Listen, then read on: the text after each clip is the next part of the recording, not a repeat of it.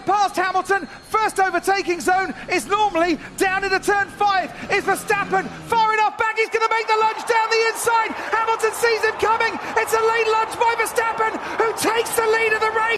United, they have shared a brilliant championship battle, but the championship can only be won by one, and it's going Dutch in 2021. Max Verstappen is champion of the world.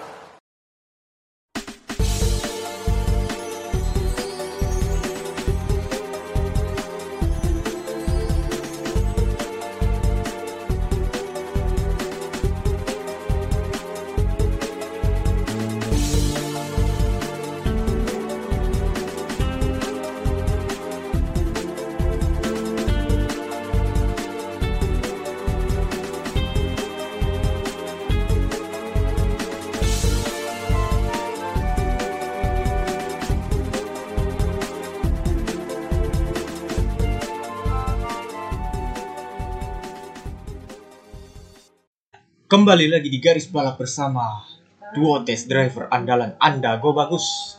Gua ya gua. Mantap. Ini episode ke-43 ya. Ya, 43. 43 eh sama dengan ini ya. 43 itu nomor KLPT ya. Kalau kalian tahu apa namanya? Kalian tahu NASCAR pasti tahulah sosok beliau KLPT itu siapa. Dan di episode kali ini kita udah sem- kita sempat seminggu rekaman ya. Seminggu, ya kurang lebih seminggu lah. seminggu ya? Seminggu kurang, kurang lebih seminggu kayak karena banyak kendala juga. Eh tapi ya kita berusaha konsisten juga. Dan cuaca mendung eh udah masukin musim hujan. Jadi jaga-jaga buat kesehatan buat kalian semua dan jangan lupa jaga prokes karena masih ada covid ya. Meskipun kasusnya belum ya kasusnya emang udah 100 ya. Tapi ya jaga-jaga kesehatan. Itu aja sih. Terus juga eh, cuaca hujan banyak yang flu termasuk gua juga sedikit flu sebenarnya. Tapi ya udahlah kita mungkin dengan record ini atau dengan melakukan hal yang produktif mungkin itu bisa menghilangkan penyakit kita. Siapa tahu. Oke jadi di episode kali ini kita akan bahas soal Gua lupa bahas apa Pembahasan soal Abu Dhabi kemarin. Terus juga ya mungkin sama nyinggung-nyinggung dikit yang kemarin kan sempat lewat tuh yang GP Saudi ya. oh ya Saudi ya sempat kelewat Ya mungkin kita singgung dikit sih soalnya Saudi sama Abu Dhabi ini wala- wala- walaupun apa sih dramanya juga kontroversinya lebih di Abu Dhabi ya. Cuman di Arab Saudi kan juga nggak kalah juga kontroversinya gitu. sampai sa- sampai sampai Ya. teman gua ini aja sih bagus aja sampai kata katanya sih sampai apa ya sampai mau muntah gitu loh. Kalau Arab Saudi iya, Arab Saudi gue sampai mau muntah sumpah. Eh, dan juga ya karena emang too much drama sih karena ya udah too much drama dua red flag itu udah menurut gue udah cap udah bener capek lah gue untuk nonton balapan tiga jam gitu loh Eh, dan ya gitulah tapi untuk Abu Dhabi sih menurut gue deliver ya kayak apa sih namanya lebih ke eh emang pas aja. Ya ibarat film ini drama dan penempatan waktunya juga pas aja gitu. Loh Tuh, betul kan? Apalagi di pas apa ya lebih tepatnya di akhir di akhir apa sih akhir musim gitu ya. ya akhir musim dan juga eh, gelar juara dan juga memperebutkan gelar juara dunia. Ah betul. Itu. gelar juara dunia dengan poin sama itu kan jarang-jarang gitu. Yang itu bukan jarang banget sih emang sangat sangat sangat sangat sangat sangat sangat, sangat jarang. Karena terakhir kali tuh eh, title title decider itu terakhir kali dengan poin yang sama itu adalah tahun 74 Like- waktu itu antara Emerson Fittipaldi dan Clay Regazzoni udah lama banget ya. Bahkan orang tua kita masih kecil kala itu. Mungkin sekitar 54 tahun apa 54 tahun gitu. Oh, kalau dibandingkan sama yang sekarang sih 40 Eh, 40 40. tahun, 40-an 46, 46, 47 ya, 47. 47 tahun. 47 tahun berselang. Setelahnya ada lagi antara Lewis Hamilton dengan eh Max Verstappen di Abu Dhabi. Oke, sebelum eh, jadi pembahasan kita adalah sekalian mereview ya apa eh, Abu Dhabi sekaligus mereview musim ini sih bisa dibilang kayak ya review musim apa sih balapan dari awal musim sampai Abu Dhabi sih lebih utamanya sih yang Abu Dhabi kemarin sih ya Abu Dhabi kemarin ya kita mungkin review cuma se- seringkas dua ringkas aja ya iya sih betul. Ya betul betul betul. Oke, jadi langsung saja. Tapi sebelum ke situ kita ke berita dulu. Berita-berita balap seperti biasa dalam seminggu terakhir ini. Guan Yu Zhou mengumumkan akan memakai nomor 24 untuk Formula 1 musim depan. Seperti yang kita tahu, Guan Yu Zhou adalah pembalap Cina pertama ya di Formula 1 full yang mengikuti full musim. Musim. tapi sebelumnya kan pernah juga kan kayak siapa namanya? Hopin Tang sama si aduh lupa gua. Pembalap touring itu siapa namanya? Selain Ma King Hua King Huang Ma King Huang Ma. Oh iya pernah pernah pernah. Enggak. King King Huang Ma. Apa apa Hmm. namanya Hopin Tung sama King Huang kan cuma test drive test driver Terus F1 dia- aja. iya, tapi s- ini Guan Yu Zhou nggak hanya sebagai test driver di Alpine musim ini tapi tahun, tahun depan eh, menjadi pembalap Alfa Romeo. Dan rek dan dia sempat apa ya kemarin tuh ikut tes pram eh tes pasca musim. Pasca musim di Abu Dhabi Eh, jadi ya performanya cukup impresif lah. Tapi Guan Yu Zhou mengumumkan no- memakai nomor 24 ini karena dia tuh kalau yang gua lihat sih dia ngefans sama Kobe Bryant ya ke Hmm. basket Hmm. Eh, karena nomor 24 dan ya personally gue juga suka nomor 24 ada sisi emosionalnya gue sama nomor ini terus eh, berita selanjutnya ada Pietro Fittipaldi diumumkan sebagai pembalap tes khas musim depan jadi. Pier Pietro tuh eh udah satu dua tiga musim berarti ya 2020 kemarin 2021 ini sampai 2022 tahun depan menjadi pembalap tes khas musim depan. Ya sumbangsinya untuk khas luar biasa emang ya. Meskipun cuma tes driver doang tapi ya nggak masalah lah. Terus ada Valentino Rossi. Nah Valentino Rossi dikabarkan sedang mengetes nggak sedang sih eh, lima hari yang lalu lima atau empat hari yang lalu itu mengetes mobil Audi R8 LMS bersama tim WRT ini kayaknya akan jadi karir Rossi selanjutnya di ajang GT ya Nongkrong saja di rumah dah. iya. Jajang apa sih endur- endurance. Iya. Dan bu- dan bukan gak mungkin ini adalah apa namanya step up dia selanjutnya di road selain di roda 2 dan emang dia tuh emang cukup familiar di ajang GT sama rally terutama. Rally berarti macam mungkin macam WRC. WRC dia pernah waktu itu dia di kelas mana ya? WR, WRC 3 apa WRC 2 lupa gua. Eh kalau nggak salah musim lalu waktu di balapan di Monza Italia iya ngendarin mobil Ford Ford Fiesta bukan Monza Rally WRC Monza Jadi- WRC Monza. Ya. iya bukan Monza Rally jadi eh Nah beda soalnya Monza Rally sama beda Monza. Monza Rally kan yang ngikut kan pembalap Italia gitu loh dan Emang- rumah. emang sih rutenya sama rute-rutenya mungkin sama lah tapi WRC Monza ini termasuk balapan salah satu balapan di Monza, di WRC itu. Dan ya semoga saja Valentino Rossi berada di ajang GT atau mungkin tapi nggak tahu dah di LMP2 bakal atau mungkin di WEC dia akan membalap apa enggak ya. Tergantung Rossi mau apa kagak tapi ya which is good eh, di tim WRT terlebih lagi dia masih ada korelasi lah sama Du- Ducati. Soalnya Audi sama Ducati ini cukup apa ya berada di satu- dalam satu keluarga VW Group.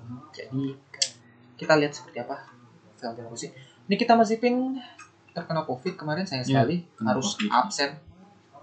Jadi Has harus nurunin satu mobil ya? Itu mobil. Eh, kalau ada yang bertanya misalnya tadi kan Pietro Fittipaldi kemarin cukup apa ya eh, available lah untuk balapan di Abu Dhabi tapi dia tuh gak ngikutin satu sesi mana pun. Jadi itulah yang menyebabkan Has udah pakai satu mobil aja lah. Itu Mazepin absen. Iya. terus ada kita harus kasih selamat ke Oscar Piastri berhasil menjadi juara F2 eh, di di musim debutnya di F2 perlu kalian ketahui si Oscar Piastri ini eh, tiga musim ini berturut-turut 2019 dia juara di mana Formula Renault Euro Cup. Musim kemarin juara Formula 3. Musim ini juara Formula 2. Dan apa namanya? eh dia menjadi pembalap ke-6 yang menjuarai F2 atau GP itu di musim debutnya. Sebelumnya ada Nico Rosberg, Lewis Hamilton, Nico Hulkenberg, eh Charles Leclerc sama George Russell. 5 ditambah Oscar Piastri. Hmm. Tapi sayangnya dia nggak ikut ke F1. Mungkin ada faktor lain. Ya mung- sebenarnya sebenarnya sih dia tuh lebih ke apa ya? Eh sebenarnya dia sempat diincar oleh Alfa Romeo, cuma kayaknya mereka lagi krisis duit jadi mereka eh, mengincar Guan Yu Zhou dan akhirnya mereka mendapatkan Guan Yu Zhou di kontrak mereka gitu. Sebenarnya di Oscar Piastri cukup cukup deserve lah dapat kursi F1. Tapi ya udahlah. Terus ada Jack Tuhan dan Marino Sato memperkuat UNI UNI Virtuosi untuk tahun depan. Jack Tuhan kalau gue lihat sih kemarin di balapan F2 debutnya cukup oke lah ya. Tapi Marino Sato belum kelihatan malahan. Marino satu ap- eh, mungkin eh, apa ya usia ya. Hmm. Usianya juga masih masih apa sih? Masih iya. Kalau usia sih sebenarnya cukup cukup cukup lah, cukup untuk apa sih namanya? bersaing di Formula 2 cuma kemampuan. Menurut gua belum belum belum apa ya belum terbukti sih. Bersama Trident juga ya lagi-lagi timnya tim Trident sih.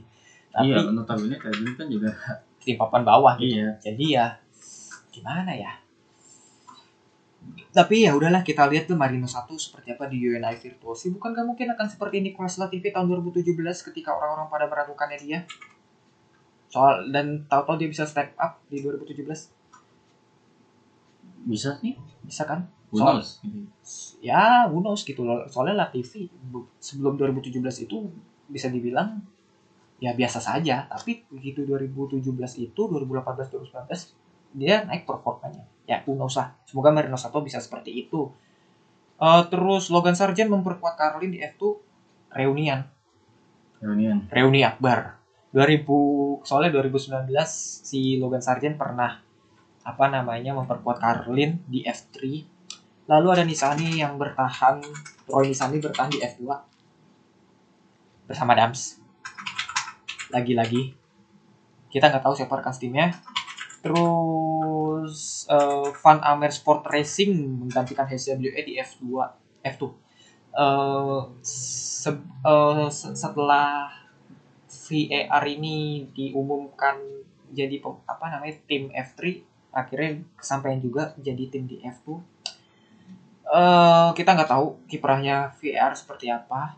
Bukan vir, bukan video assistant dari F3 tapi Van Amersfoort Racing Em, ya kita lihat kiprahnya seperti apa. Lalu saat ini sedang ada tes pasca musim tes akhir musim di Abu Dhabi 2021 ada beberapa pembalap muda yang diikuti yang benar-benar pembalap muda bukan pembalap muda seperti Alonso atau apa. Kayak Robert Schwartzman eh siapa lagi tuh? Eh, Pato Award dari IndyCar juga ikut bersama McLaren Robert Schwartzman bersama Ferrari terus juga ada Logan Sargent ikut Williams dan juga ada Nick De Vries dan pembalap muda lainnya yang mengikuti possession postseason ini di Abu Dhabi. Anyway, soal Abu Dhabi, kemarin ada ba- balap ada drama yang cukup menarik di Abu Dhabi. ya drama drama yang apa ya biasa ya antara dua pebalap Hmm. yang dua pebalap papan atas yang Exactly. yang pastinya pencinta Formula One udah tahu dong siapa Iya. Eh, dua pembalap dengan poin yang sama, Lewis Hamilton dan Max Verstappen gitu. Menurut gue ini momentum Max Verstappen untuk bisa menjadi juara dunia setelah musim lalu cukup improve lah. Dan musim ini sebenarnya antara mobil Mercedes yang emang nggak sedominan musim lalu atau emang mobil Red Bull yang cukup bisa melawan tapi yang gue nggak tahu ya tapi musim ini cukup berwarna Iya. Iya. Eh tapi sebelum ke situ gue mau ini dia mau bilang dulu sih ini soal yang Ab- Arab kemarin yang kata. Arab kemarin yang kita garis balap sempat diundang oleh salah satu stasiun televisi tapi sayangnya gue mau bilang aja gue mau kayak klarifikasi aja bahwa eh, sebenarnya kita tuh diundang tapi sayangnya kita, suara kita nggak nyampe di TV Iya mungkin karena gangguan bisa jadi gangguan sinyal dari sananya atau dari kitanya juga ah, ah, tapi sih gua sempet apa sih kayak juga dengar suara lu masuk apa sih masuk di itu cuman dari apa sih presenternya kayak mohon maaf ada gangguan. Nah itu loh masalah di situ. Hmm. iya. Jadi persen tapi suaranya masuk Nggak tahu masuk ke tapi kayak de- kayak dengar dengar kayak apa sih? Ya kayak los los gitu lah los ada los ada gitu. Oh. Soalnya gue nggak nonton rekamannya karena emang gue udah menurut gue udah anyep aja itu udah gue nonton balapan yang Arab kemarin kayak gitu kemarin gue diundang kemarin kita diundang nggak nggak ada suaranya. Tapi ya udahlah soal balapan kemarin eh, mungkin ada lain kesempatan kita akan diundang. Tapi ya sudah sih itu aja sih. Emang emang ada gangguan di sononya dan gue nggak menyalahkan stasiunnya TV-nya juga. Gue cuma apa ya ini pembelajaran juga. Mungkin emang kalau menurut gue sih emang takdir Tuhan tuh emang emang kayaknya garis balap belum sih. Belum saatnya ya. ya enggak sih? Eh, mungkin sih ada saatnya tapi bukan di bukan saat ini. Bukan maksudnya bukan di Formula One bisa jadi di ajang lain seperti endurance gitu hmm. Kan endurance kan juga sempat disiarkan di TV lokal kan ya, kalau nggak salah. Gue belum dengar. Eh, waktu apa sih? Dulu dulu zaman wah gue nggak tahu deh kalau itu kalau nggak salah pernah sih soalnya juga gue sih juga dapat itu sih dari om gue soalnya om gue juga pernah nonton Le Mans di, di TV lokal. Entah di TVRI iya atau CDI lupa gue mungkin highlightnya mungkin kali ya mungkin mungkin ya, hi- highlightnya highlight. Soalnya TVRI gitu. TVRI kan cuma satu doang. Kan? Jadi ya eh, apa sih nam kalau menurut kalau menurut gue sih emang ini takdir Tuhan aja. Kita belum belum emang belum boleh sih. Belum belum saatnya sih. Belum saat ya belajar dulu. Ya. belajar dulu dan juga ya kita mesti belajar belajar. Karena usia kita masih belum satu tahun jadi ya belajar belajar belajar step up step up step up dan lama-lama rezeki akan datang sendirinya oke sekarang lanjut Abu Dhabi. Soal Abu Dhabi eh apa ya balapan kemarin tuh anti klimaks di klimaks kalau atau kalau film-film tuh plot twist lah. Notice ya. Plot twist ya. Jadi ya bisa di tapi gak tau lah menurut lu gimana sih? Kalau kalau satu kata untuk gue sih itu sih anti klimaks Anti klimaks, ya. cukup anti klimaks soal balapan kemarin.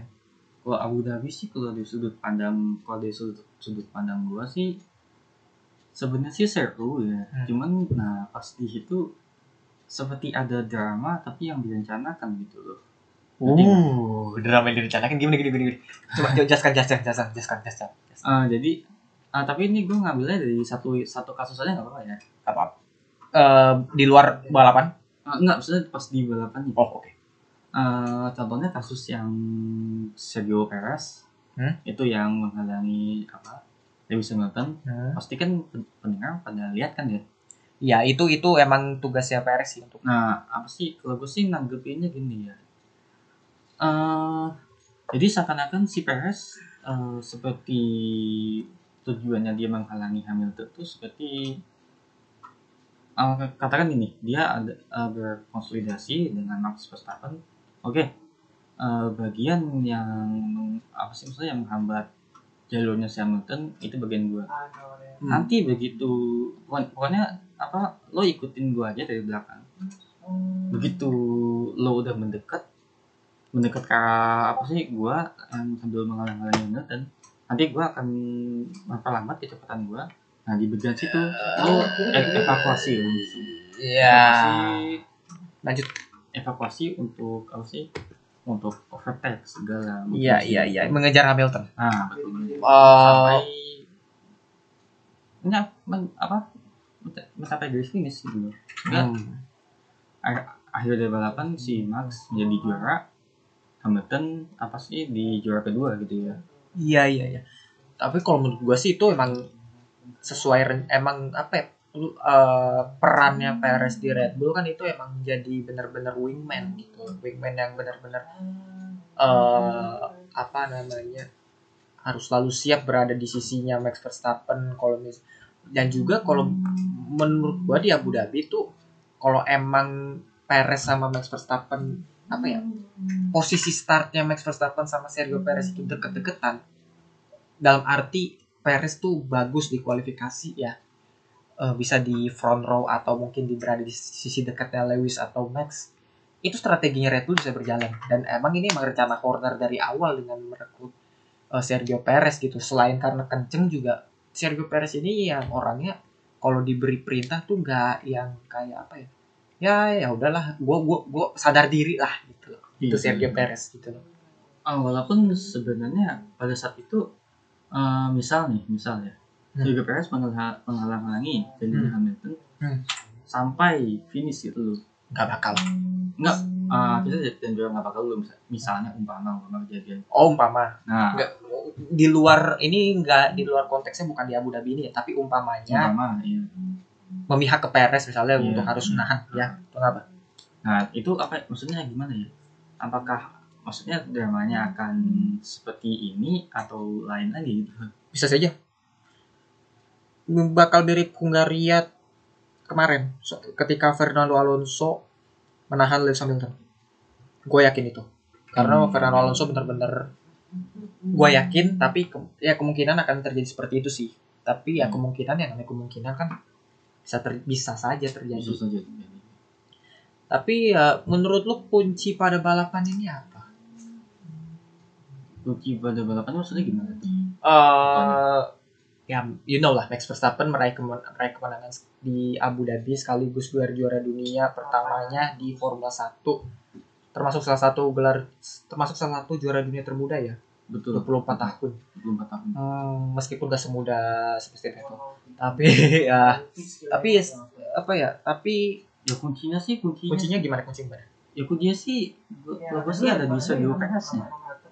bukan di keputusan steward atau apa nanti kita bahas ke situ sih Oh, Stewart eh, mungkin ada eh, enggak, tapi ini kita bicara yang maksudnya eh bicara kalau emang keputusan Stewart itu nanti akan dibahas akan dibahas ya. itu di luar apa Iya, ya di luar di itu luar. Nah, tapi kalau kunci keberhasilan si Max ini ada pada Sergio Perez sih. Hmm. Dengan Red Bull merekrut Sergio Perez itu udah keputusan yang apa ya keputusan yang tepat lah tepat ya banget gitu. iya Secara- iya. Nah, secara tadi seperti yang bagus bilang ya, Hmm. Sergio Perez itu kalau dipin, kalau misalnya dikasih perintah itu langsung ya udah siap gitu loh. iya iya Nah iya. terus juga spesialisnya dia tuh ya pada pada apa sih penghalangan jalur, ngerti nggak maksudnya? ya sebagai menteri pertahanan bisa Ah, ya sebagai Bisa. menteri pertahanan bisa, bisa lah ya Bisa. Dapat diandalkan. Dapat diandalkan. Dan juga overtake-nya itu eh, apa ya?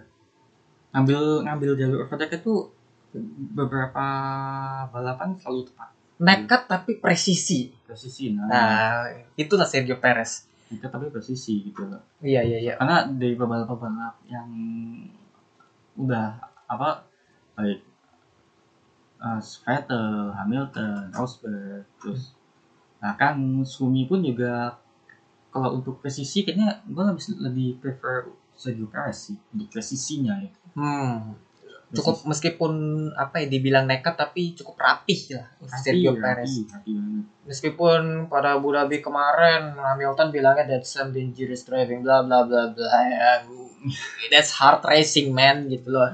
You can you cannot deny it gitu. Jadi iya betul. Itu hard racing gitu selagi lu nggak tadi dan menurut gua sih fine fine aja sih. Fan-fan aja. iya dan juga kan banyak eh, kalau beberapa tahun apa ya kalau kita ke Evan Tampo dulu tuh emang pertarungannya seperti itu kurang lebih. Meskipun ya rada riskan berbah risk apa ya tingkat riskannya tuh cukup tinggi ya untuk apa saling bersenggolan atau tabrakan. Tapi ya that's racing. You cannot deny it gitu loh. Dan dan gue cukup apresiasi dengan Sergio Perez ya. Dan kerjanya di Red Bull gitu. Dan ya nggak salah lah dia merekrut Sergio Perez meskipun ya pembalap lain ada yang dikorbankan seperti Alexander Albon dan Pierre Gasly. betul betul Ah, tapi ya sudahlah. Ya, mungkin- semua mungkin punya pemikiran lain apa dari apa Red Bull ini Hmm. ada pemikiran lain kenapa dia ikut Sergio Perez kenapa apa sih mendepak siapa Albon dan Hmm. Gasly Hmm, hmm, Ya, mungkin karena ini Karena butuh ada butuh pembalap yang berada selalu di sisinya Max. Iya Iya, sisinya Max. Oke, oke, oke, oke, oke. Ya, sepadan lah ya dari segi kecepatan lah ya. Sepadan. Sepadan lah ya. Sepadan. Tapi bukan berarti Alex Albon sama Pierre Gasly bu- nggak nggak cepet-cepet. cepet Cuma cepet. belum belum belum belum sekali Ah. Max Verstappen. cepet tapi presisinya yang agak itu sih ya Hmm, ya ya, kenekatan. pendekatannya masih apa sih masih misalnya untuk ambil keputusan apa ya emang olahraga motorsport ini olah- olahraga yang apa sih mengandalkan di samping skill juga Hmm. kenekatan gitu loh Ya emang harus nekat pembalap itu sih. iya dengan misalnya mau ngambil misalnya mau mau mau, mau overtake nih Hmm. aduh nanti dulu deh nanti mungkin di tikungan selanjutnya mungkin bisa aja nah kalau udah udah waktu udah pas itu kenapa nggak overtake aja gitu loh akan nanti dia spin atau apa ya itu urusan nanti gitu Hmm. Tapi padahal waktu dulu tuh Ambon tuh dulu sempat kayak gitu, tapi eh, entah kenapa di musim lalu tuh jadi eh, rada melempem ya. Ya mungkin emang dibalik ketidakberuntungannya dia musim lalu karena beberapa karena emang beberapa kali ketiban sial salah satunya yang di Austria 2020 itu. Tapi ya eh, emang Red Bull tuh membutuhkan sosok seperti ini gitu. Dan Betul. Sergio Perez emang lagi mojonya lagi dapat juga sih. Mojo dalam arti luck lah, lucknya. bahkan juga di ya bisa dibilang ini ini musim musim beres nih bisa dibilang gitu ya Ya bisa dibilang meskipun peringkat 4 tapi ya satu kemenangan dan beberapa podium dan mampu membantu Max Verstappen meraih gelar juara dunianya. ya knows juga nanti di musim selanjutnya malah Sergio Perez berbalik itu Verstappen bisa jadi loh Bisa bisa bisa bisa bisa bisa. bisa. Oke, jadi menurut lu kunci dari balapan kemarin adalah soal Perez Perez betul mampu menahan Hamilton hingga Hamilton bannya menjadi aus dan tertahan betul dan betul. terkena beberapa dirtier yang DTR aduh. DTR tuh um, uh, sebenarnya sih DTR apa ya yang mampu merusak bannya Hamilton. iya masa banget.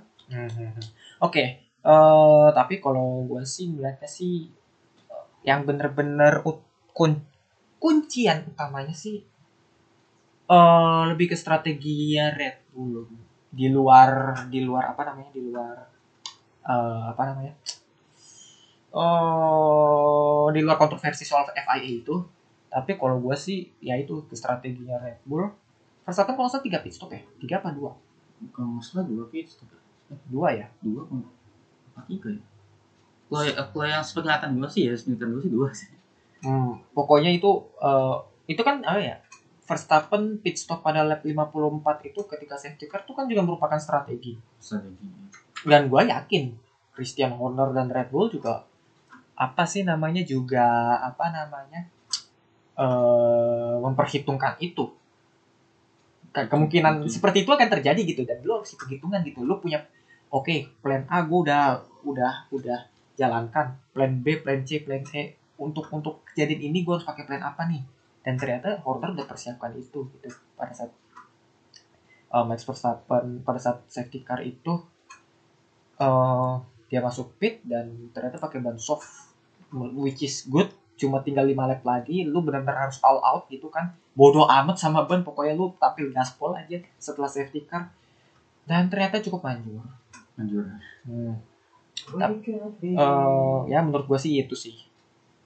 Tapi soal kontroversi di Abu Dhabi, eh soal Latifi, soal Latifi itu kan emang Oh. emang it happens lah dalam balapan kecelakaan seperti itu oh, ini bisa terjadi.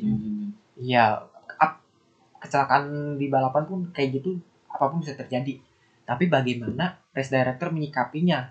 Nah, menurut gua, menurut gua, menurut lu, soal kontroversi kemarin, eh menga berga, apa ya? eh, gaung tuh masih out, race directornya Michael masih masih out, masih tidak percaya dan dan apa ya? eh dan apa ya eh, dan lain-lain lah gitu pengen apa ya orang-orang fans F1 atau ahli F1 atau yang lainnya tuh menganggap bahwa masih ini nggak kompeten jadi race steward sepeninggalan Charlie Whiting Stewart Hmm, menurut lu kontroversi kemarin tuh apa ya?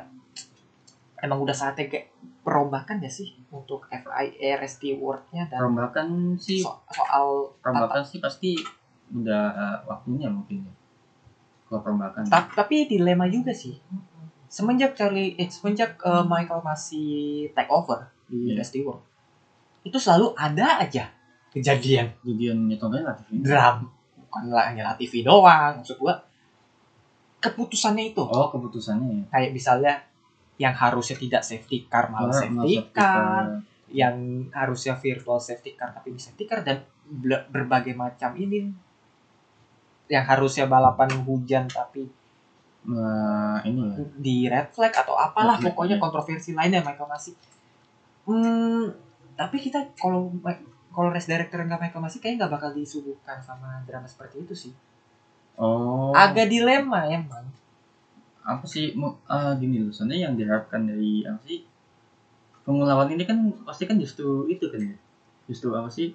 Sebenarnya dramanya iya cuma cuma kalau misalnya dikelilingi oleh F1 dikelilingi oleh orang yang nggak kompeten seperti ini ya bukannya itu akan menurunkan derajat Formula 1 betul betul. Betul, terus betul banget. Ya makanya itu apa mungkin udah waktunya apa sih waktunya perombakan buat apa sih? Aturan-aturan ada Aturan. ya yang utama sih semestinya aturan dulu sih. Aturan aturan terus juga eh, kebijakan. Kebijakan eh contohnya tadi. Misalnya yang harusnya red flag kenapa malah lanjut? Contohnya di Jeddah. Betul ya itu itu Itu- itu, harusnya itu yang kecelakaan Mick sama siapa lagi tuh yang dua Eh, ini sama siapa ya? Kan yang pertama Mick Schumacher terus yang apa Eh, sih namanya ah, Bukan. Ya?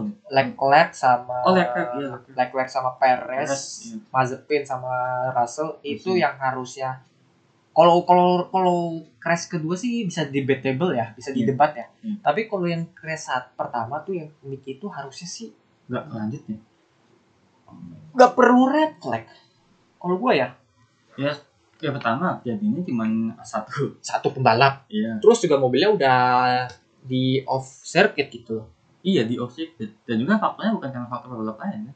Karena Iya. karena faktor mungkin bisa aerodinamis. Hmm. nah nanti apa akan disinggung sedikit lah aerodinamis juga. Ya. Ya, terus juga faktor tikungan Ya tikungan-tikungan yang Mick Schumacher kecelakaan tuh emang emang banyak yang ngalamin kok. Di F2 juga. banyak Iya. nah itu mungkin juga nanti akan dibahas sedikit sebenarnya kalau apa dari segi fisika Hmm. Hmm. itu derajat kemiringan tikungannya emang agak agak agak kurang sih agak agak nggak nggak apa sih nggak memenuhi syarat gitu loh Hmm. Nah, jadi ya apa namanya?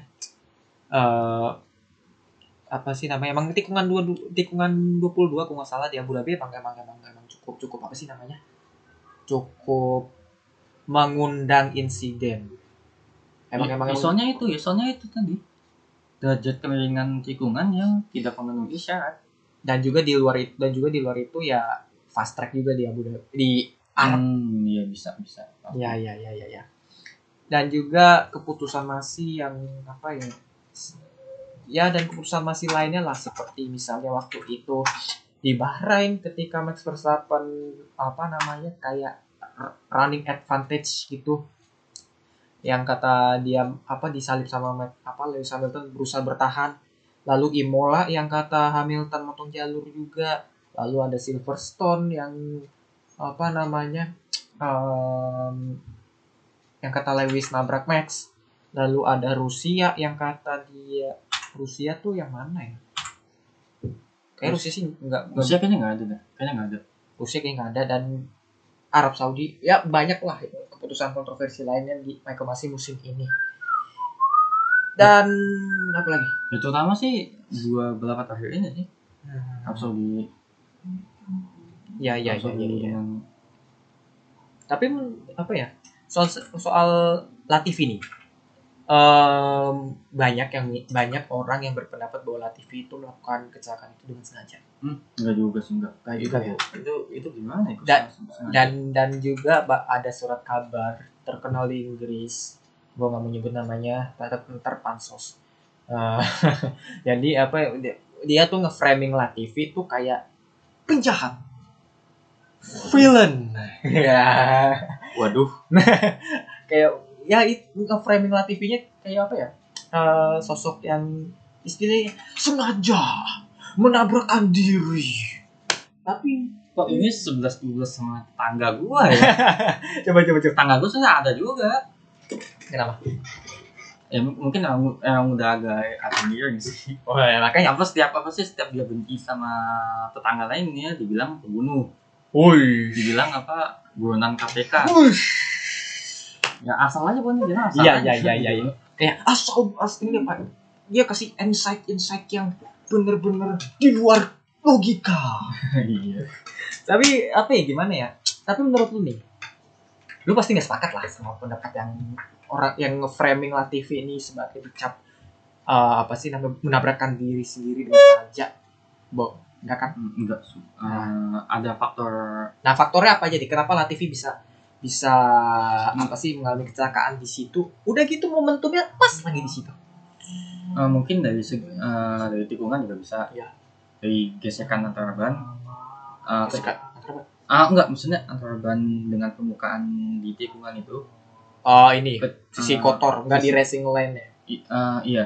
Terus Ya. juga kecepatan apa sih kecepatan maksimum dia pada saat melewati itu jalan tersebut. Hmm. Dan dan juga aerodinamis juga ngaruh juga sih. hmm, hmm, hmm. Aerodi- eh, aerodinamis soalnya kan dia mobilnya di depan khas kan eh di Depan. belakangnya khas di belakang khas betul. iya betul depannya khas kayak kayak hambat dari apa sih khas itu mungkin nyampe ke siapa sih? Latifi Iya, sehingga akhirnya bisa mengakibatkan Latifi crash seperti itu. Hmm. Itu sih bukan disengaja. Emang semua pebalap pasti akan mengalami. dan Ya even even bosan di balapan ya di kita pun juga pasti kayak gitu bisa aja pasti. it happens gitu kan dan apa kemungkinan itu selalu terjadi Di jalanan biasa bahkan di tol Hmm. bisa itu apa ditirai dari mo- mobil depan terus sampai mobil kita sehingga Hmm. akhirnya mobil kita nabrak ke pembatas jalan bisa. ya ya ya ya, ya, ya. tapi kasihan sih Latifi sih Eh, ya bagi gue juga itu itu itu it happens lah karena ya dia sedang di battle juga dengan Schumacher gitu kan dan berusaha mengejar tapi ya apes gitu dan sebelumnya kan di free practice pertama Kimi Raikkonen sempat kecelakaan kan di situ Betul. Iya, Kimi jadi ya anyway balapan terakhir Kimi Raikkonen aduh sad banget. Sama Giovinazzi harus out ya. tapi tapi ya mungkin uh, perpisahan dia perpisahan yang kurang menyenangkan kali ya Ya mirip-mirip Jensen Button tahun 2016 sih, tapi ya ya udahlah. Eh nikmatilah masa-masa pensiunmu Bapak Kimi. Kau tidak perlu lagi membalap F1 karena kau sudah bebas. Karena dilihat dari wawancaranya, dia tuh emang pengen pengen cepet-cepet aja sih, pengen cepet-cepet Uh, selesai. uh, tapi ada uh, mungkin ya mungkin ada peluang buat dia lanjut ke mungkin endurance Amin. Karena di rally dia udah ngerasain. Tapi dilihat dari bio Kimi, bio Instagramnya Kimi, itu tertulis retire. Kita itu berarti ya Kayaknya emang, emang gak hanya F1 sih, tapi nggak tahu juga sih. Kita lihat uh, masa depannya Kimi seperti apa. Tapi- kalau banyak banyak tuh pebalap-pebalap yang usianya udah apa sih udah ibaratnya udah uzur gitu loh. Tapi di endurance yang setelah raih prestasi yang gemilang, Hmm. benar nggak? Betul. Ya benar-benar karena emang usia uzur emang usianya endurance banget. Makanya itu di kelas utama endurance tuh banyak pembalap tuir. Nah, jadi ya seperti itu. Kembali lagi ke Latifi tadi. Jadi lu menyayangkan ya soal banget sih. media yang memframing Latifi itu bak sebagai penjahat, villain atau apa gitu. Nggak, ah, menyayangkan ya dan juga nggak hanya media aja sih fans-fansnya Hamilton ya cukup disayangkan ya kayak bahkan sampai ngirim death threat gitu you know death threat Tahu tuh. ya itu jadi ya sampai postingannya sama Russell itu kan perpisahan sama Russell kan dihapus gara-gara posting gara-gara Iya di di Bennett. parah banget itu Iya. Asli. Udahlah ya kalian kalau misalnya jadi fans tuh ya rasional dikit lah maksud gua. Oke lah kalian kesel sama apa sih namanya jagoan kalian kalah gitu tapi eh, apa ya berpikir logik aja sebenarnya itu bukan salah TV juga dan juga bukan salah Max Verstappen tapi emang ya ya namanya kecelakaan it happens kan Iya. tapi yang namanya keputusan kan ada di tangan Stewart gitu Kalau yang berat TV, gak usah dibilang apa ya dibilang salah TV kan ngerti lagi. Ya, makanya jangan itu itu pikiran yang sakit tuh mah. Tapi kalau oke, Latifi it happens lah. Kita lihat di ke safety car ya. Safety car lap ke 54 ke atas. 55 ya? Ya 55. Eh kita lihat bahwa pada saat lap ke bentar, bentar gue cek dulu. Ah, pada saat lap ke meski lap ke 56 ya. Waktu itu Latifi kan eh eh kecelakaannya di lap 54 kan. 54 55 lah. Nah, pada lap 56 pada saat safety car itu yang back marker yang udah ke overlap oleh Lewis Hamilton itu nggak boleh nyalip Lewis Hamilton sama safety car tapi pada saat lap ke 57 satu lap setelahnya dan itu satu lap menjelang final lap diperbolehkan kalau misalnya dan ada aturannya kalau misalnya back marker boleh unlapping Lewis Hamilton itu harusnya safety car masuk pit itu satu lap setelahnya. Tapi ini back markernya unlapping Lewis Hamilton. Tapi di saat yang lap bersamaan, safety car masuk pit. Nah, ini yang menjadi kebingungan nih. Itu itu aturannya ada di situ. Tapi ini yang membingungkan dari apa ketidakkonsistenan dari Michael Masi. Eh, dan juga ini cuma apa ya yang memperbolehkan mobil apa namanya mobil yang unlapping Lewis Hamilton tuh cuma lima mobil dan itu semuanya mobil yang berada di sekitar Max. Eh, Lando Norris, Lewis Hamilton, eh sorry, Lando No, eh Lando Norris ya, Lando Norris, Esteban Ocon, Alonso, eh, terus siapa lagi tuh duanya lagi gue lupa. Hingga akhirnya membuat jarak antara Max Verstappen dengan Lewis Hamilton dekat. Dan akhirnya Nah, harusnya tuh boleh sebenarnya sah-sah aja unlapping apa namanya unlapping Lewis Hamilton. Tapi paling tidak safety car mas safety car masuk ke pit tuh satu lap setelahnya. Yang artinya eh, balapan finish behind safety car. Kalau misalnya safety apa ya finish behind safety car, berarti ya Lewis Hamilton yang juara dong. Harusnya, harusnya. Iya. Iya. Jadi ya kalau dibilang ini salah Max atau salah Latifi atau salah Hamilton atau bla bla bla bla, lebih ke salah Michael Masi sih. Dan juga ini ya eh, ada apa ya? Kenapa Michael Masi memu- apa ya mengambil keputusan gitu ya? Memang race director tuh punya otoritas lah mengambil apa ya punya wewenang untuk memutuskan suatu apa ya keputusan balapan atau apalah tapi ya tidak apa ya tidak merubah fungsi atau kegunaan safety car itu sendiri gitu nggak semena-mena gitu ya nggak sih Betul, betul. Exactly. Mm-mm, dan juga ya ya ini harus harus jadi revisi besar-besaran untuk FIA dan Stewart sih menurut gue ya. Karena kalau misalnya sampai ini terjadi lagi sih ya gue nggak paham lagi. Gue menurut lu gimana menurut lu? Ya, eh, ya seperti yang tadi lo bilang ya apa ya eh, waktunya regenerasi apa sih eh, dirombak total ya. Eh, apa sih? Apa sih dirombak total terkait apa sih kebijakan? Hmm. terus juga eh, peraturan-peraturan yang ada di Oh, sama yang waktu itu tunggu salah yang balapan itu udah hujan tuh hujan yang harusnya dia berhenti tapi malah lanjut itu termasuk itu nggak ya? Belgia Heeh. Em, kalau yang Belgia itu seharusnya balapan dihentikan Dihentikan. benar-benar dibatalkan Iya. karena karena gua ada ada idenya berkabut dan pandang itu mengakibatkan visibility pembalap menjadi terganggu Iya. tidak bisa melihat ke depan Nah, bahkan tapi sementereng mobil Ferrari pun nggak kelihatan Nah tapi te- tetap itu tetap dilanjutin sehingga jadi kayak pawai gitu Malah dipaksain tiga lap di, Nah. dan itu di belakang safety car. nah itu termasuk ini nggak Itu itu di, itu malah jatuhnya dianggap balapan. nah itu dia itu dia itu dia Meskipun lu ber- berada di belakang safety car meskipun cuma tiga lap atau apa, itu tetap dianggap balapan. nah itu dia Nah, gue nggak tahu ya. Mungkin ini masih ini juga ada tuntutan di di di di di spa kemarin ya.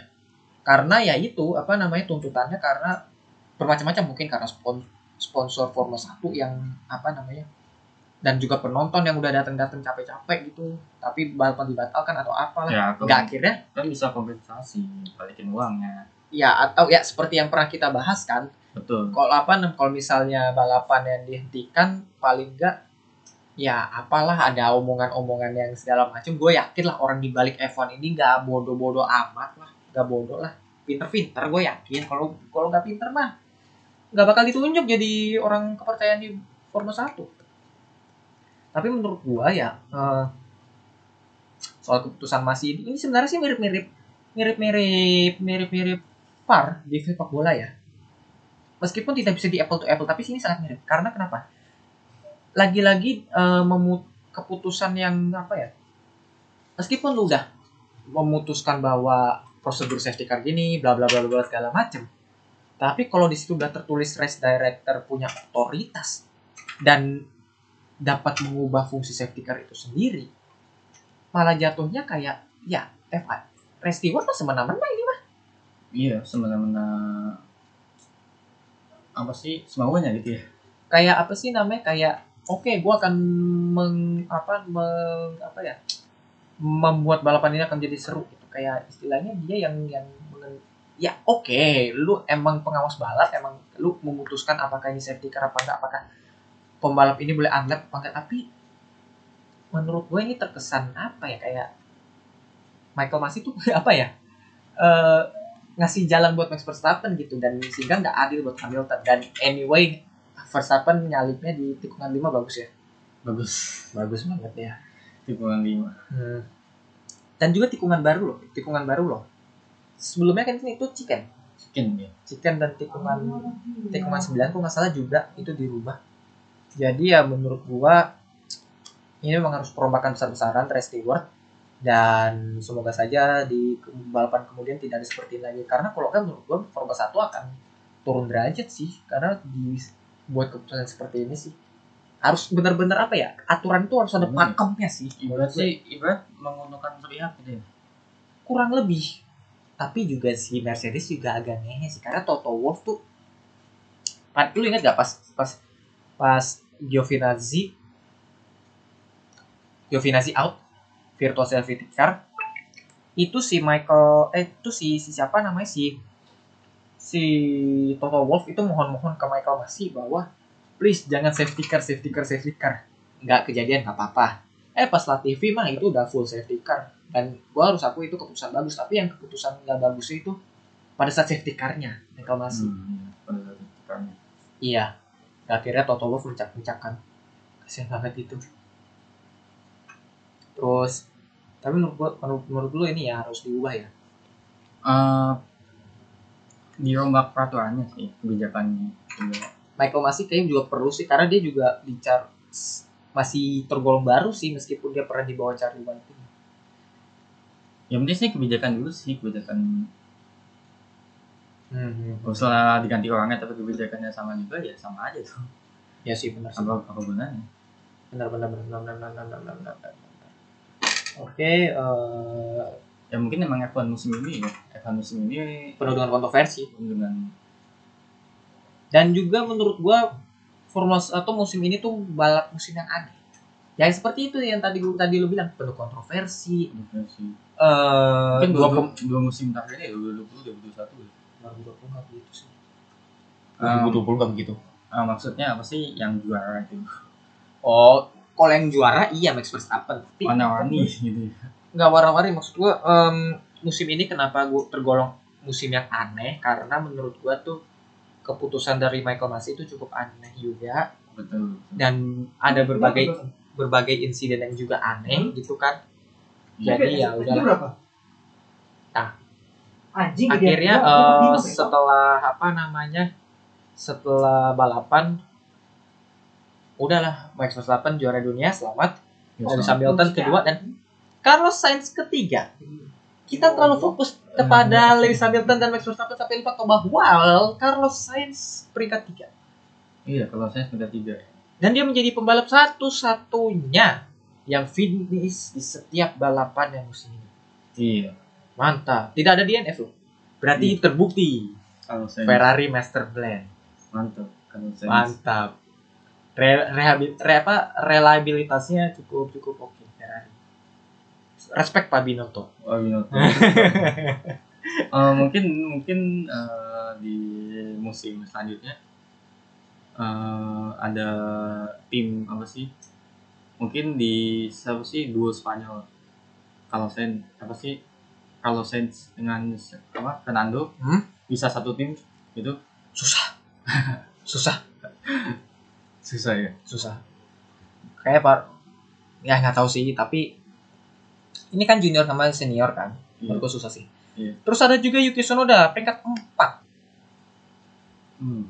Mantap. Ini menurut gua Asia ya. pembalap Jepang pertama yang mampu menyentuh top 5 semenjak Kamui Kobayashi. Iya. Di GP Jepang tahun 2012. Terus ada Pierre Gasly, Valtteri Bottas peringkat 6, Lando Norris ya Valtteri Bottas selamat selamat atas keluarnya dari Mercedes.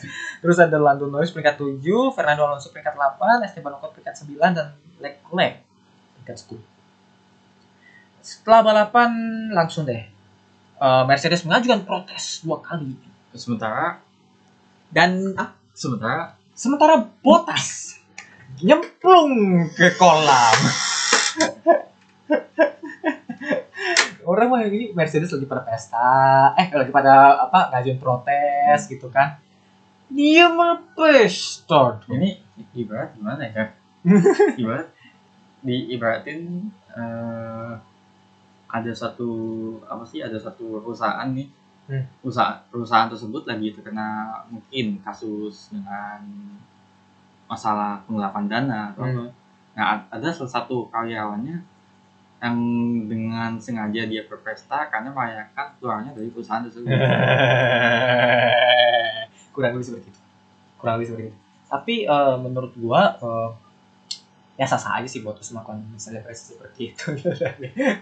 Eh, masalah sih cuma satu ya, Apa? cuma satu atribut atributnya dicopot seragamnya ya seragamnya dicopot ini masih atributnya copot dulu. masih masih pakai seragam Mercedes nih nyemplung gitu. Ngeliatnya kan nggak enak.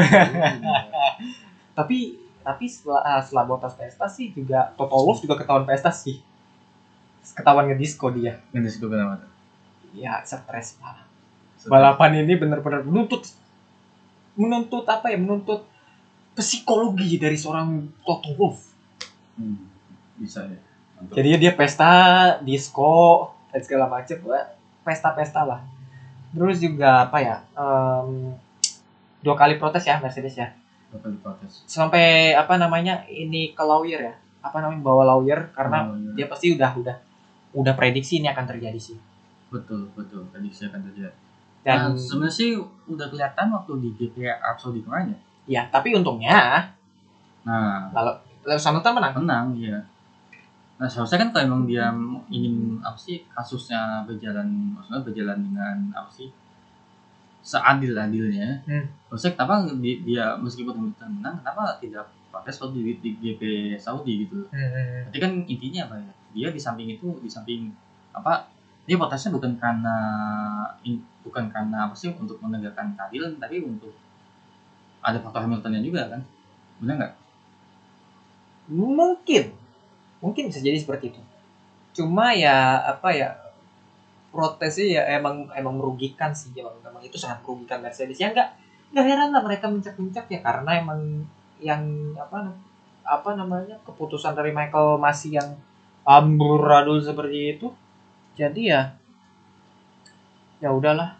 Dan akhirnya Red Bull terpaksa maju mundur maju mundur cantik-cantik dari kantor steward atau bolak balik karena harus memanggil apa ya bolak balik apa eh, kantor steward karena memenuhi panggilan dari steward dan akhirnya banding dari Mercedes ditolak.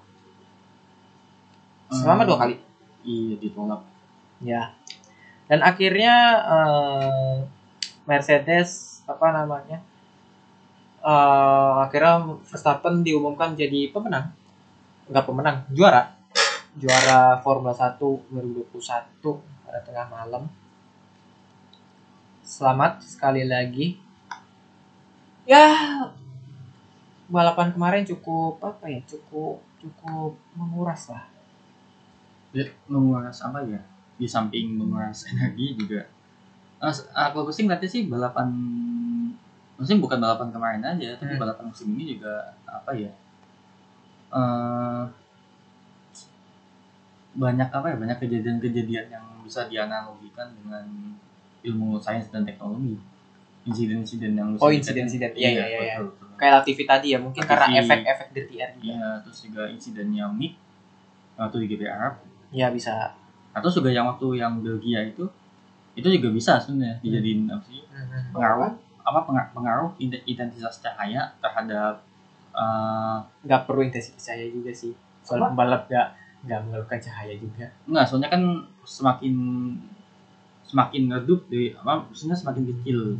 Artinya kan jika intensitas cahayanya di tempat tersebut semakin kecil berarti kan semakin tandanya kan semakin redup. Oh soal pandangan ini ah pandangan. Tapi kayaknya- Pandangan tapi dengan kayak berjalannya balapan gitu tapi, tapi kayaknya nggak ba- pembalap nggak ada yang mengeluh-ngeluhkan soal apa pun ya? Nah, maksudnya kalau it- it- apa yang Belgia kemarin itu sih udah emang benar-benar harus ini harus set flag gitu loh.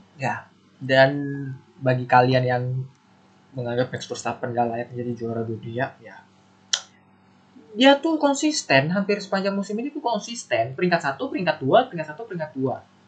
Paling apes Hungaria. Dan balapan di Monza sama Silverstone kemarin dia out jadi emang secara statistik juga apa ya eh emang Verstappen finish balapan ya minimal ya minimal posisi dua emang sekonsisten itu Verstappen Minimal posisi dua. Hmm. Betul. dan apa ya eh oh ya untuk juara konstruktur selamat untuk Mercedes meskipun sampai sekarang belum ada update apa-apa soal soal mereka yang apa namanya soal bahkan post season testing ini yang sama George Russell itu mereka nggak ada update apa-apa dan Ferrari peringkat tiga klasemen konstruktor Oh, iya benar juga. master plan Binotto itu itu Binotto lah. Mungkin kalau yang tentang konstruktor konstruktor ini mungkin nanti uh, akan ada pembahasannya sendiri kali ya. ya bisa sih Bisa sih. Soalnya jujur gue meskipun ah, apa ya meskipun uh, cukup ngerti juga tentang misalnya sains dan teknologi ini tapi kalau untuk masalah apa sih yang berkaitan sama otomotif masih agak-agak kurang sih masih perlu apa ya masih perlu ya ibaratnya perlu belajar lagi lah Ya, ya, ya, ya. Tapi eh, berbagai pendapat muncul dalam apa Formula 1 ini, mau dari dalam maupun luar F1. Salah satunya itu tadi eh, media ternama, media ternama lampu hijau. Udah nggak ada ya lampu hijau ya? Oh, kayaknya udah nggak Atau pos kota? Nah pokoknya yang tuh. yang media ternama tapi menurut gua menurut gua pribadi sih itu selevel. Eh, yang salah satunya itu media yang menganggap memframing Hala TV itu sebagai apa ya eh, sengaja dalam melakukan crash. Salah satunya dan menurut gua itu sangat tidak masuk akal. Eh, lalu ada ya Harry Kane. Harry Kane Gary Lineker berpendapat yang tentunya bias sekali ke ke apa namanya bias bias sekali ke Lewis Hamilton. Eh, apa ya bola bola dikaitkan sama Formula 1 itu gimana? Ya oke lah. Soal soal soal soal soal soal apa namanya soal yang tadi ya soal apa namanya race director tadi soal beberapa peraturan pasal-pasal dan segala macam itu emang mirip sekali dengan VAR karena Hmm. emang VAR kan kalau VAR kan eh wasit lihat VAR lihat insidennya keputusan ada di tangan wasit. ya pokoknya VAR cuma ngasih tahu ini kejadian kejadian kejadiannya gini loh Iya. nah perkara itu apa pelanggaran atau enggak out atau enggak offside atau enggak Iya. itu kembali lagi ke lo ke Mal- wasitnya malah kembali ke wasit yang Iya. which is menurut gua ini agak agak bias juga sih karena kita melihatnya itu pelanggaran. Tapi wasit melihatnya itu nggak pelanggaran. Jadi menurut gua kalau kalau kalau diambil pelajaran dari VAR ini menurut gua at- FIA itu perlu ada aturannya tuh perlu ada pakemnya. Kayak apa sih namanya? Harus bener-bener oh kalau misalnya keadaan kayak gini harus kayak gini. Oh kayak bener-bener harus pakem gitu soalnya ini masih apa ya Resteward tuh masih dibebaskan gitu paham nggak Eh, iya masih di apa ya? Kayak apa sih keputusan gua lah gitu loh tergantung perspektif Resteward. Ya pers- perspektif dia sendiri gimana gitu? Hmm, gitu. Ya udah mungkin Eh, nanti apa ya eh, buat F ah, mungkin di F1 di masa mendatang kalau dibuat kayak eh, ya mungkin semacam tadi ya VAR ya. VAR tapi udah VAR juga dong. bukan maksudnya maksudnya eh, ke- masalahnya lu mau apa? Lu mau hentiin balapan cuma melihat ada insiden apa kagak? Enggak maksudnya apa sih eh, jadi kayak ada alat. Nah, dia bisa ngelihat eh, reka ulang reka ulang kejadian. Tapi di situ juga dia kan Resteward kan melihat itu semua dari playnya Nah, itu kan keputusan kan diserahkan lagi ke siapa? Resteward nah, maksud gua gini maksud gua aturan apa ya? Aturan tuh mesti dibenahi kayak apa ya? Ada pakemnya lah paham nggak? Kayak apa sih namanya? Kalau saat gini harus kayak begini harus kayak begini harus kayak gini. Jangan tergantung apa apa keputusan menurut perspektif steward. Nah iya Maksud maksud gua itu gue itu maksud gue itu. Maksud gua kalau gua sih ini aturannya. Lah iya maksud gue itu? Aturan apa sih? Karena kan apa ya selama balapan ini kan steward ya steward. Iya. Nah jadi ada kayak apa sih maksud gue apa sih suatu alat yang dia bisa mereka ulang apa sih kejadian tapi alat itu juga yang menentukan.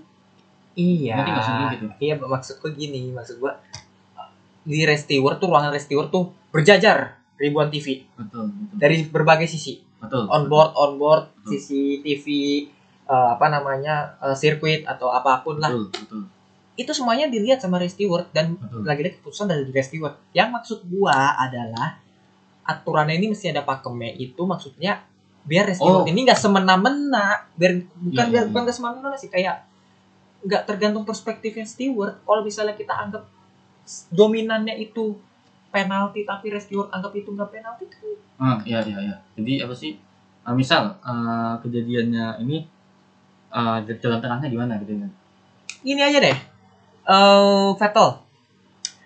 GP Kanada 2019 oh ya tahu. Vettel keluar jalur Keluar jalur iya betul.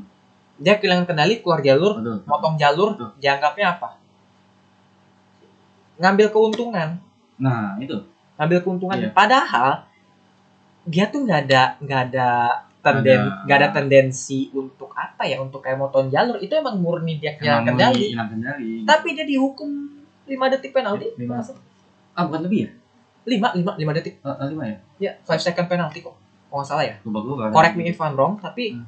Eh, itu di penalti padahal dia lagi mimpin dia lagi Iya, mempertahankan iya. posisi Iya. dari Hamilton Ah, gitu ah. kan Iya. atau mungkin begini dia di penalti nggak hanya gaining advantage tapi kayak apa sih namanya memojokin Hamilton soalnya pada saat dia mau kembali ke jalur rejoining rejoining the track itu Hamilton sama Vet Hamilton tuh kayak tersudutkan betul betul tapi kan itu nggak disengaja pak Iya, Hamil- Vettel iya. nggak ada tendensi untuk itu dia kehilangan hilang kendali kehilangan kendali jadi dan juga Vettel tuh nganggepnya udah nggak adil nih F1 nih. Udah nggak adil nih. Betul betul. Nah makanya menurut gua Michael Mas apa ya FI Resteward ini perlu perombakan dalam hal struktur aturan-aturannya gitu loh. Kayak ada pakemnya yang jelas lah. Kayak misalnya yang tadi gua bilang pembalap yang misalnya nih misal aja dah gua buat gue sebagai Resteward gua buat aturan.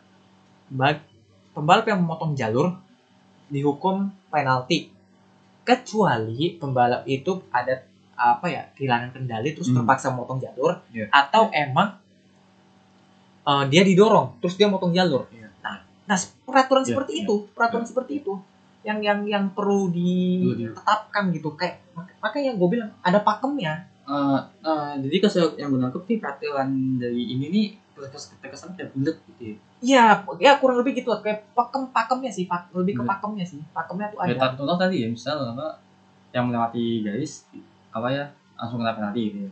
Iya langsung kena penalti Ah. kecuali Ah. nah ada apa nih biar biar jelas gitu loh nggak nggak nggak asal Iya. kemauan resteward itu sendiri jadinya kan ini kan subjektif gitu Iya, loh. iya. nah itu dan juga tadi oke kembali lagi ke yang beberapa pendapat orang-orang di luar F1 maupun masuk F1 atau apa Harry Kane berpendapat oke Ntar yang mana ya Harry Kane Eh, mungkin Harry Kane menyamakan ban mobil lawan sama bola karena sama-sama bulat gitu ya. Enggak dong. Sama-sama karet. Enggak dong. Enggak gini, dia berpendapat nih. Harry Kane berpendapat soal F1 yang menurut gua gitulah. I'm new to Formula One and it's been amazing to watch Lewis and Max battle it out. I'm no expert on it, but I feel like there is some bizarre rules that give an unfair advantage like today. Why should Hamilton be penalized for somebody else crash? Pertama, Hamilton tidak di penalti ada. dan dia tidak ada apa ya, tidak ada apa sih namanya tidak ada eh tendensi apa namanya menjadi penyebab kecelakaan enggak.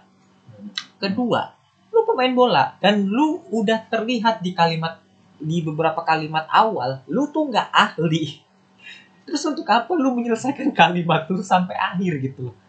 Toh kalau emang lu nggak ahli ya nggak usah ngomong lah. Iya kan? Iya, enggak ahli ya.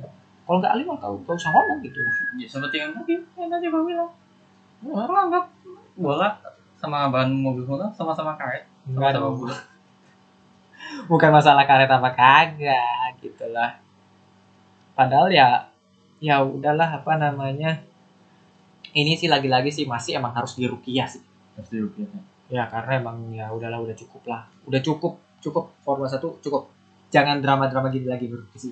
Kayak ya oke drama boleh tapi jangan resteward tuh jangan di apa ya kayak mem- jangan aneh-aneh lah. Gitulah. Paham kan? Paham, paham. malah malah ini dramanya malah dibuat sengaja dibuat oleh Stewart agar Formula 1 lebih menarik padahal mah Formula 1 yang terkenal tuh dramanya ya karena pembalapnya Iya. Ah, dan gue juga apa sih juga nontonnya uh, 2019an ke belakang itu sih gak ada kayak gini-ginian sih pesannya. Bener nggak? Bener nggak? ya era Charlie Whiting emang emang kurang ini sih minim banget sih Ini banget justru. tapi gue masih ingat itu ya banyak sih Charlie Whiting tuh kontroversi apa keputusan kontroversialnya kayak misalnya tahun 2014 di Suzuka yang masih menerapkan Oh, masih apa ya udah jelas-jelas itu ada badai topan tapi masih iya tetap masih ini. Iya. tetap balapan yang akhirnya mengorbankan Zeus Bianchi gitu.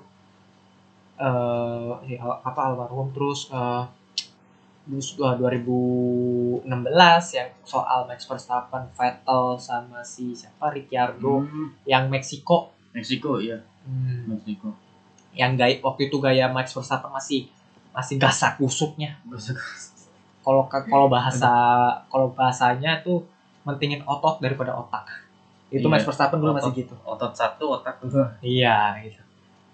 Ya, tetap ada kontroversinya. Masing-masing resteward pasti punya Iya, iya, kontroversinya. cuma maksud maksud tidak se ini. Iya, betul. Michael Masi ini terlalu banyak yang benar-benar disorot gitu loh. Tapi ya, ya udahlah, tetap masih out, masih tidak percaya, tetap gaungkan itu gerakan dari garis balap. Iya sih, Hashtag betul. masih out, Masih- masih tidak percaya. Jadi ya. Eh, dengan mas apa dengan masih ini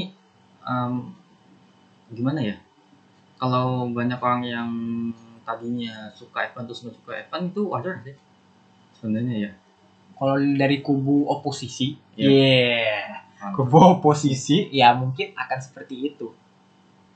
ya soalnya apa ya exactly om apa om gua juga tadinya su apa ya maksudnya mantengin banget bu F1 ya. tapi pokoknya be- begitu 2019 begitu er- apa eranya masih udah udah masih udah setengah-setengah setengah setengah mantengin mungkin 2020 mungkin masih mantengin aja. Nah begitu ini nih 2021 pertama kali gue ngeliat om gue gak nonton F1 dari awal sampai akhir gitu loh. Iya iya iya. iya. Tapi kalau misalnya untuk kayak misalnya streaming streaming misal entah GP apa itu ada, dia sih masih tetap ini ya, tetap itu. Cuman kalau untuk maksudnya full mantengin kayak kita ini kan kita ini kan mantengin terus kan. Iya iya iya. Nah, kalau dia dari balapan dari awal musim sampai ini masuk 2021 full enggak Dia dia emang emang emang ya. Tapi lagi-lagi sih Michael Masi ini orang terus orang baru ya. Eh, soalnya kan Charlie Waiting kan secara an apa sih namanya eh, tidak terencana kan meninggal dunia itu udah almarhum. Iya. awal 2019 menjelang Australia. Iya. Jadi ya ya antara diganti atau emang FIA harus membuat sebuah struktur apa eh, peraturan yang emang harus apa ya diubah lah. Harus ada pakemnya gitu. Pakem maksudnya. Jangan bulat maksudnya gitu loh. Ya ya pokoknya itu oke harus begini titik iya. Nggak bisa diganggu gue. Nah. Dan dan mau nggak mau rest resteward harus ikut itu. Nah. Itu keputusan keputusan tidak subjektif gitu. Jadi ya diberatin maksud dalam kehidupan sehari-hari ya misal nih di sekolah nih ada guru nih yang siswa yang nggak ikut ujian nggak lulus. Hmm. udah nggak ikut ujian nggak lulus. Hmm. nah tapi kan harus dilihat kondisinya. Siswa itu nggak ikut ujian gara-gara ada halangan gara-gara ada misal apa eh, sakit atau ada saudaranya meninggal Hmm. kan kita nggak tahu makanya harus dibuat siswa yang nggak ikut ujian nggak lulus kecuali tanpa kalau tanpa gini aja si- siswa yang tidak eh, mengikuti ujian tanpa keterangan tanpa keterangan Hmm. nah dianggap ini nah iya tapi kalau misalnya alasannya sakit atau apa kan Hmm. bisa bisa susulan nah iya iya bisa Nah. Nah, Nah itu yang gue maksud sebenarnya. Nah, tapi yang gue rasa FIA juga harus mungkin ada peraturan seperti itu, tapi kurang ini aja, kurang bener-bener jadi Bulat. agak kurang sih yang kurang. Nah, ya, ya. Yang akhirnya melibatkan ya ya udahlah rest reward aja nanti keputusannya bukan sesuai berdasarkan aturan-aturan yang sudah ditetapkan. jatuhnya jatuhnya malah subjektif Makanya ya kan tadi gue bilang ini biar biar sub- objektif aja, biar res peng- apa ya pengawas balap tuh transparan lah, nggak Iya. nggak nggak ini. Mungkin ada tambahan lagi? udah sih mungkin itu dulu sih untuk apa ya untuk buat Waduh, satu jam. satu jam 11 menit. Mantap. pesan tadi baru mulai ya Makanya. Baru mulai dan makin ke sini makin ke sini makin seru obrolannya. iya Oke, mendung ya. Mendung sekali. mendung juga Cuaca hujan. Eh bul kalau kata kakek gua tuh kalau bulan ber tuh pasti hujan. Ya kan? Over sama hari Bersama Ria. iya Setelah Maret, April udah udah udah udah. udah. udah itu udah Iya. tapi ya, ya namanya cuaca ya tahu juga sih Iya. Sekarang mah cuaca di Indonesia juga ekstrim banget nggak nggak jelas, nggak nggak jelas. Gitu. iya Ya. Oke, nah, itu aja mungkin. itu aja sih mungkin ya Oke, eh, lumayan panjang ya pembahasan kita dan ini udah dijanjikan oleh garis balap bahwa kayaknya ini akan akan jadi record yang panjang. panjang Hmm. Walaupun sebenarnya episode kita di episode episode episode sebelumnya ada yang lebih panjang lagi Uh, sampai lewat 15 menit tuh mana makanya itu oh, udah lebih panjang lagi gitu. iya Tapi ini mah nggak ada apa-apanya. Oke, jadi itu aja. Terima kasih bagi kalian yang telah mendengarkan garis balap sampai sejauh ini. Eh, subscribe juga YouTube kita, follow Twitter dan Instagram garis balap, at garis balap dan juga follow Spotify dan dengarkan Spotify kita, podcast kita. Di sana kita akan menyampaikan pendapat kita soal beberapa kejadian di Formula 1 dan motorsport lainnya. Nggak hanya Formula 1, motorsport lainnya kayak F2, WEC, dan F3 dan lain-lain. bahkan sampai Kita- NASCAR sekalipun kita mungkin bisa bahasnya. Kalau kita paham, ya ya kita ngikutin, cuma ikutin aja kita masih belajar-belajar. Hmm. Ya, who knows mungkin ada orang yang ngerti NASCAR. uh Uh. mantap ya Oke, itu saja itu sneak peeknya. Nah, Hmm. oke, eh, jadi itu aja mungkin dari garis balap ya jaga-jaga kesehatan ya buat kalian ya. Oke, gua bagus. gua Yogo Sampai jumpa di episode garis balap berikutnya. Salam motorsport dan jaga kesehatan kalian ya. Bye. Yuk, salam motorsport. Mantap. Thank you.